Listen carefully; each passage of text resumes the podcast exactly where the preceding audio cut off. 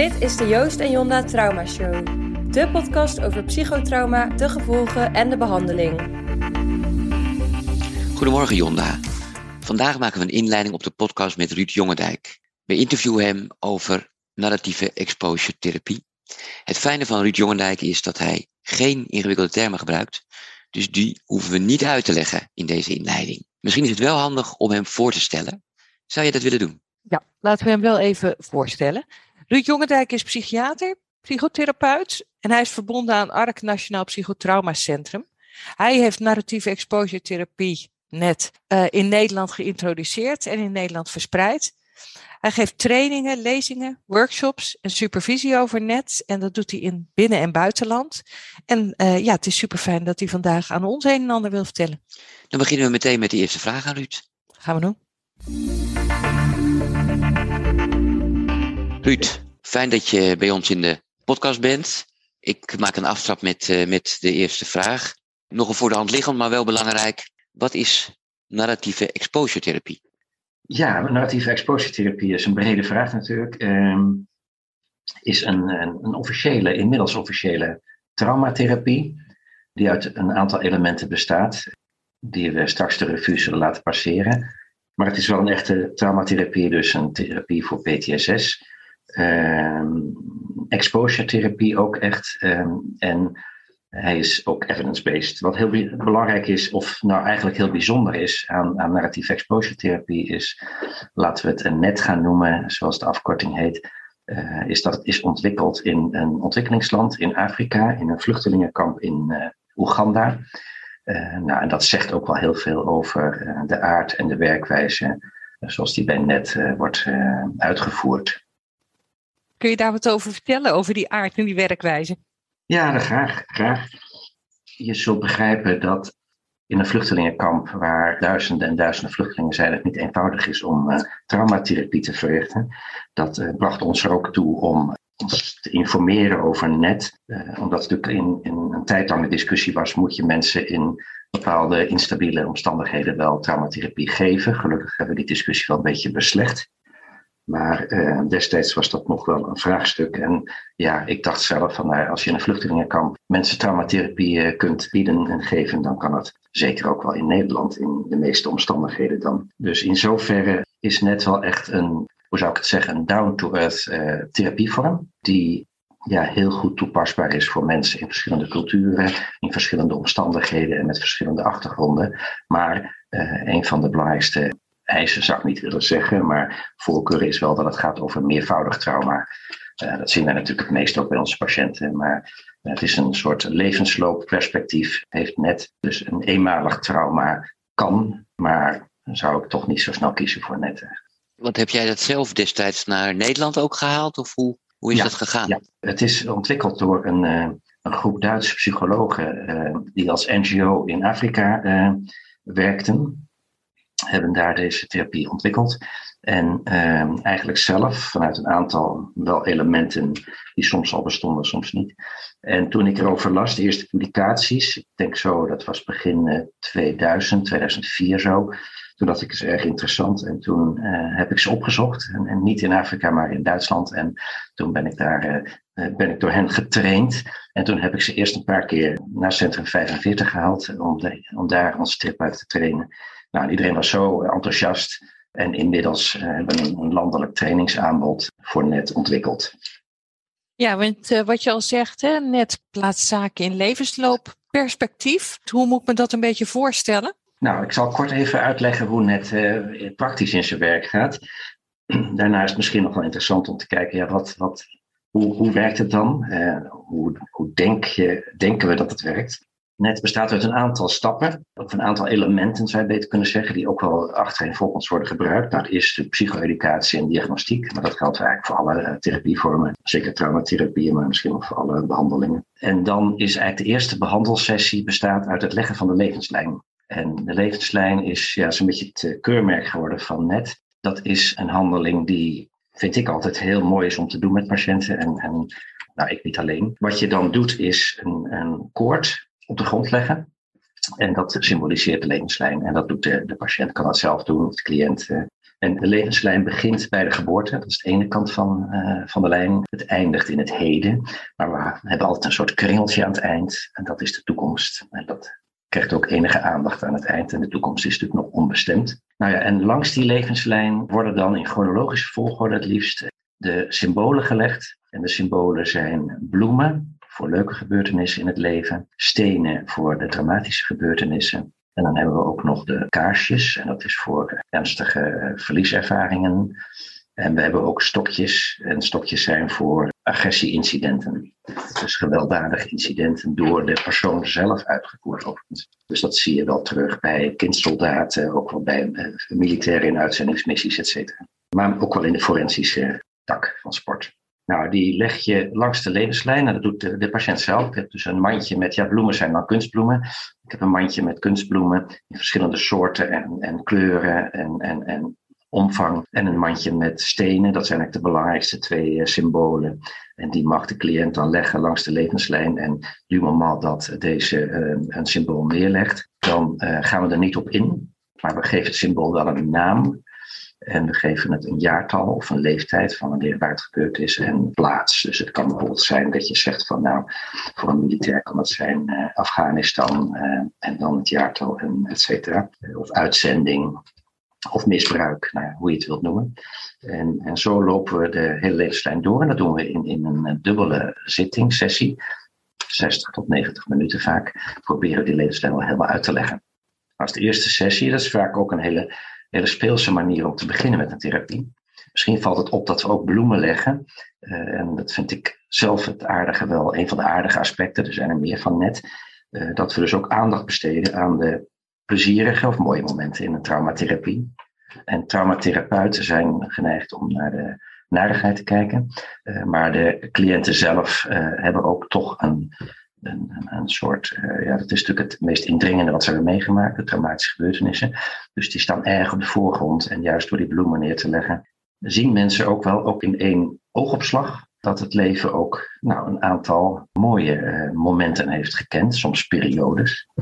En uh, nou, het geeft natuurlijk ook veel inzicht in, in hoe het leven is gegaan. Ja, want je krijgt dan natuurlijk een beeld wat meteen heel veelzeggend is voor de cliënt over uh, hoe is mijn leven nou eigenlijk gelopen. Ja, we evalueren ook altijd even, kijken ernaar, ja klopt het zo? Soms zeggen ze nou, ik vind dat te veel bloemen of te grote bloemen of te kleine stenen of te grote stenen. Nou ja, dan uh, schikken we dat nog wat bij, maar daarna kijken we er ook even naar. En, en nou, wat zie je, wat valt je op, et cetera. Dus het geeft inderdaad een hele visueel uh, inzichtelijk beeld van ja, hoe het leven is verlopen. En ik kan me ook wel voorstellen dat mensen ja, dan zich ook ineens wel weer herinneren dat ze ook best wel mooie dingen hebben meegemaakt hè? en plezierige dingen. Dat focus is natuurlijk makkelijk op problemen. Absoluut, ja. En dat zie je ook wel bij getraumatiseerde mensen. Die, ja, die hebben het gevoel dat het leven bijna één trauma is geweest, hè, vaak. Of, of, of hele grote periodes. En dat overheerst zo dat ze de rest niet zien. Nou, daar komen misschien zo nog wel even op terug. Dat is ook het idee van net om dat meer in perspectief te krijgen. Maar heel belangrijk bij net is uh, dat er niet alleen aandacht wordt besteed aan de traumatische herinneringen, maar ook aan wat wij dan noemen de, de context waarin herinneringen plaatsvinden. Als je kijkt naar uh, mensen die een, een psychotrauma hebben meegemaakt, op het moment dat het psychotrauma gebeurt, dan gebeurt er van alles in je lichaam, maar ook in je hersenen. Ja, en dan gebeurt er wat we wel vaak een flight-fight reactie noemen. Dus mensen krijgen, worden heel erg opgewonden, eh, gaan stellen ademen, hartslag gaat stellen. Maar wat je ook vaak ziet is dat het bewustzijn wat vernauwt. Dus je wordt heel erg gespitst op die traumatische gebeurtenis omdat je, dat, daar zit het gevaar. En ja, daar moet je uh, naar zien te handelen. Dus je krijgt eigenlijk tijdens een traumatische gebeurtenis de opslag in het geheugen van vooral die traumatische gebeurtenis. Dus de, wat wij dan noemen de stenen. En de hele context van waarin die traumatische gebeurtenis is, heeft plaatsgevonden, die raakt toch een beetje verloren. Omdat dat eigenlijk ballast is tijdens een trauma. Dus wat je ziet is dat, wij noemen dat het, het impliciete geheugen heel actief is. Uh, dat is het geheugen van de fight-flight reactie. Dus dat dat is een heel associatief geheugen, wat onvrijwillig opkomt. Dat zijn dus de herbelevingen, de angsten, de paniek, et cetera. En vaak weten cliënten niet goed waar het vandaan komt. Of wat er nog meer gebeurd was in de omgeving. Of, of ja, de inbedding van het trauma noemen we dat wel, de context. Wat je nou bij de levenslijn doet, is juist die inbedding aangeven. Van kijk maar, het gebeurde dan en dan. Dat zie je vaak bij mensen die meervoudig trauma hebben meegemaakt. Die uh, is hun geheugen vaak toch wat verbrokkeld, zou je kunnen zeggen. Ook tijdens de behandeling zelf, dan hechten we ook heel veel waarde juist aan die context. Als je kijkt naar imaginaire exposure of EMDR, dan richten die zich heel erg op de angstige herinneringen, de traumatische herinneringen. En, en proberen door uh, exposure te geven daaraan dat de angst daalt. En dat er een soort gewenning optreedt en een soort uh, leerproces ook. Bij net is het anders. Wij, wat we doen is, nadat we de levenslijn hebben gelegd, uh, doen we een, uh, gaan we chronologisch die levenslijn doorwerken in de sessies na de sessie van de levenslijn. Dus je begint echt zeg maar bij de geboorte en wandelt dan de lijn af langs ieder symbool dat is neergelegd. Ja. Of dat nou een bloem, een kaars, een steen, een stokje is. Maakt niet uit. Ja. Maakt niet uit. Dus je begint bij de geboorte. Nou zijn daar weinig herinneringen van. Uh, en de eerste drie jaar sowieso. Maar vaak van horen zeggen hebben mensen wel uh, ideeën. Dus nou, daarmee bouw je eigenlijk een beetje het contextgeheugen op. Uh, tot je bij een eerste symbool komt. En dat kan een bloem zijn of een steen. We proberen wel eens met een bloem te beginnen, omdat dat dan ja, een beetje oefenen in de techniek. Uh, maar goed, dat kan niet altijd. En je gaat dus alle symbolen af, maar je gaat ook de tussenliggende periodes ook door. Dus die bespreek je vaak korter, zodat de samenhang tussen alle symbolen en de periodes daartussen heel duidelijk wordt. Wat je doet bij uh, narratieve exposure van een steen, dus van een traumatische gebeurtenis, dat werkt hetzelfde als je bij de levenslijn doet. Je gaat van A tot Z de gebeurtenis door. Waar je bij EMDR of imaginaire exposure vaak uh, een soort hotspot zoekt. Van nou, wat is nou het, het meest prangende beeld wat je hebt? Daar richten we ons op. Begin je bij uh, narratieve exposure therapie echt voordat de traumatische gebeurtenis begint. En loop je zo al verhalend, al vertellend de hele gebeurtenis door tot aan het einde en ook even daarna.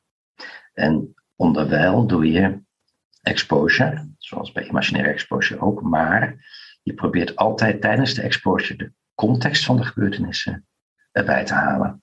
Dus iemand eh, overval, heeft een overval meegemaakt en herinnert zich heel scherp dat mes wat op zijn keel werd gezet. Dan proberen we eerst naar dat mes toe te gaan, maar dan gaan we over naar de context van wat was het voor man, wat had hij voor kleren aan, hoe keek hij, wat voor weer was het, wie waren er nog meer in de omgeving. Uh, zodat het hele plaatje, we noemen het al de hele film, uh, duidelijk wordt. Dus dat is toch wel heel anders. En dan lopen we zo toch ook nog weer chronologisch die gebeurtenis door. Waardoor je dus een, een heel beeld krijgt van wat er van A tot Z is voorgevallen.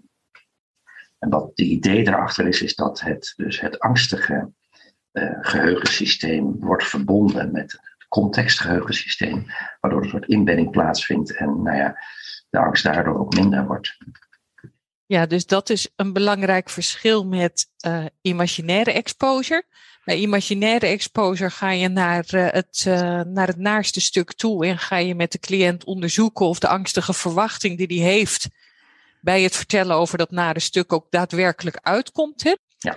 En jij zegt nee, dat is niet hoe we het doen bij die narratieve exposure. Bij die narratieve exposure plaatsen we de gebeurtenis in een gehele context. Waardoor uh, in het geheel van die context de lading van die specifieke elementen wat kan dalen. Ja, zo is het precies. Ja. Hey Ruud, je had het net al over uh, dat het evidence-based is. Nou, uh, vertaald in het Nederlands, er is wetenschappelijk voldoende bewijs hè, dat deze behandeling effectief is. Kun je daar iets over, over zeggen? Ja, er is redelijk veel onderzoek naar gedaan. Niet zoveel als bij EMDR of imaginaire exposure of cognitieve therapie, maar dat zijn ook therapieën die toch wat langer bestaan en ook ja, veel bekender zijn inmiddels. Maar er is veel onderzoek gedaan wel. Er zijn een aantal meta-analyses verschenen uh, afgelopen twee jaar, een stuk of vier. Het meeste onderzoek is overigens gedaan wel bij vluchtelingen, getraumatiseerde vluchtelingen, maar niet alleen. Ook bij mensen met vroegkinderlijk misbruik en bijvoorbeeld ook een, een borderline persoonlijkheidsstoornis is onderzoek gedaan bij uh, kindsoldaten. Er is ook een kindervariant, dat noemen we KidNet. Er loopt hier een onderzoek, een vergelijkend onderzoek tussen EMDR en net bij, bij kinderen, vluchtelingenkinderen. Dus, dus er is onderzoek gedaan. En ja, dus je kunt zeggen, ook als je kijkt naar de richtlijnen, uh, er zijn verschillende internationale, maar ook Nederlandse richtlijnen, staat net gewoon uh, ja, redelijk bovenaan bij de EMDR, de cognitieve therapie en uh, exposure therapie. En, en, is er ook bij volwassenen vergelijkend onderzoek gedaan tussen de therapieën die je net ook noemde, EMDR en exposure? Nee, niet tussen die. Nee, dus dat is jammer. Er is wel onderzoek gedaan naar andere actieve behandelvormen, maar niet die echte traumatherapie. Nee. Dus dat is heel jammer. Dus dat is nog een uitdaging. Want ik, ik ben wel benieuwd, uh, zeg maar, ja, wie jij dan wel uh, voor net in aanmerking vindt komen en wie bijvoorbeeld nou echt niet. Kijk, ik denk uh, sowieso dat als je kijkt naar al, al die traumatherapieën die er zijn, en er komen er nog wel meer bij, dat de meeste traumatherapieën ongeveer gelijk effectief zijn. En in die zin gaat het om een aantal aspecten die je mee kan nemen. Dat is natuurlijk vooral ook de of het aansluit bij de cliënt. Ja, ik leg het ook vaak voor. We hebben EMDR, dat werkt zo. We hebben uh, exposure, dat werkt zo. We hebben net, dat werkt zo.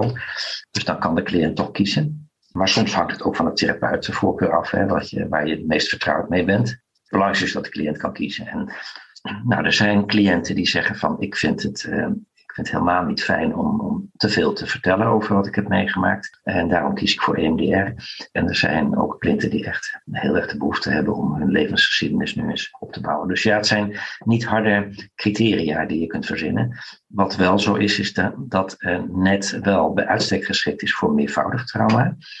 En je ziet ook doordat je die levenslijn legt, wel dat mensen ook verbindingen leggen. Uh, het gebeurt natuurlijk nogal eens dat mensen meerdere periodes getraumatiseerd zijn, bijvoorbeeld in de jeugd uh, misbruikt en uh, in latere relaties ook weer in die val getrapt en misbruikt of, of mishandeld. En ja, het leggen van die verbanden vind ik wel iets wat uniek bij net is. wat ook bij andere traumatherapieën voor kan komen natuurlijk, maar bij net veel explicieter, veel duidelijker de voorgrond treedt. Het is een kwestie van smaak, maar meervoudig trauma uh, zou ik zelf, uh, als echt mensen veel trauma's hebben meegemaakt. En we hebben echt vluchtelingen die 20 tot 40 uh, traumatische gebeurtenissen hebben meegemaakt in hun leven. Ja, dan zou ik eerder voor net kiezen, denk ik, dan voor een andere. Maar het is een, een smaakkwestie. Ik had ook begrepen dat um, bij het leggen van die levenslijn en het doorlopen van die levenslijn, dat daar ook een document van gemaakt wordt. Hè? Dat daar ook een papieren weerslag van gemaakt wordt. Ja, dat is ook een belangrijk element. Ja. En hoe, hoe ervaren cliënten dat? Dat ze dus, eh, ik stel me dat zo voor, dat ze aan het eind van zo'n therapie dan als het ware zo'n boek van hun leven hebben. Ja. Ja, het is meestal zo dat we, de, en we maken dus een foto van de levenslijn, die komt in het boek. Mm En uh, dat is ook een beetje de routekaart die we gebruiken tijdens de therapie. Per uh, sessie maken we een verslag van de feitelijke levensloop. Dus niet van de therapieverloop, maar van de levensloop. Wat in die sessie besproken is. En dat bundelen we dan. Elke sessie lezen we het korte stukje even voor, wat vorige keer is geschreven. En aan het eind is dan een verzameling. Ja, en wat, wat eh, de meeste cliënten wel zeggen is, nou, dat ze het ook wel bijzonder vinden ja, dat iemand dit zo opschrijft en het hele levensverhaal ook door een ander is opgeschreven dan door zichzelf. Hè. Dus het geeft ook een uh, kenning. We lezen het ook voor. De therapeut schrijft ook. Hè? Dus uh, je hebt ook wel schrijftherapie waarin de, de, cliënt zelf schrijft. Maar hier schrijft de therapeut. Je hebt ook wel cliënten gehad die zeiden van ja, als je het dan zo voorleest, dan hoor ik het vanuit een ander perspectief.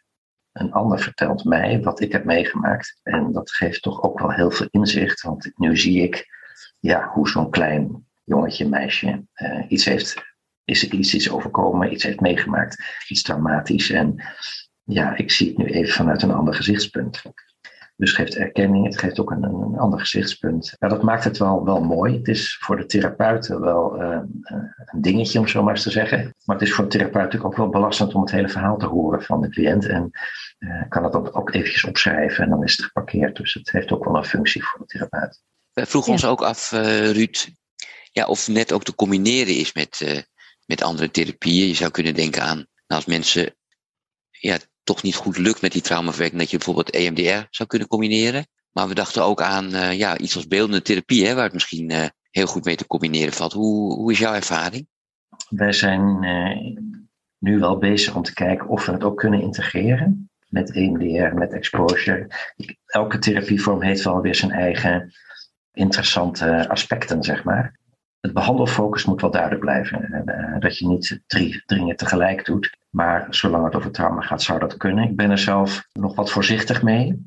De werking van NET is om die twee geheugensystemen samen te brengen, zodat het een geïntegreerd verhaal gaat worden. EMDR heeft toch een hele andere, bijvoorbeeld een hele andere werkingsmechanisme.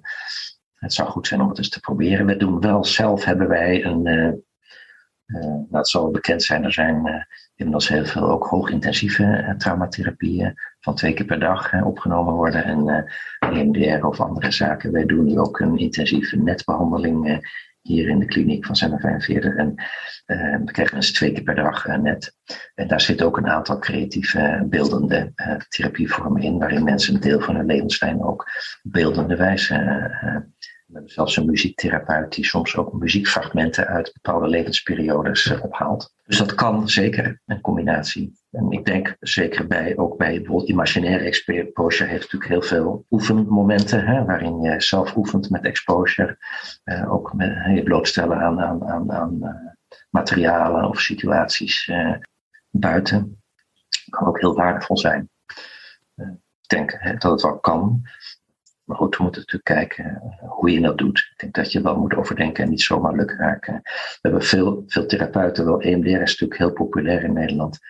En die zeggen, ja, die stenen met exposure, ik uh, vind toch EMDR veel makkelijker.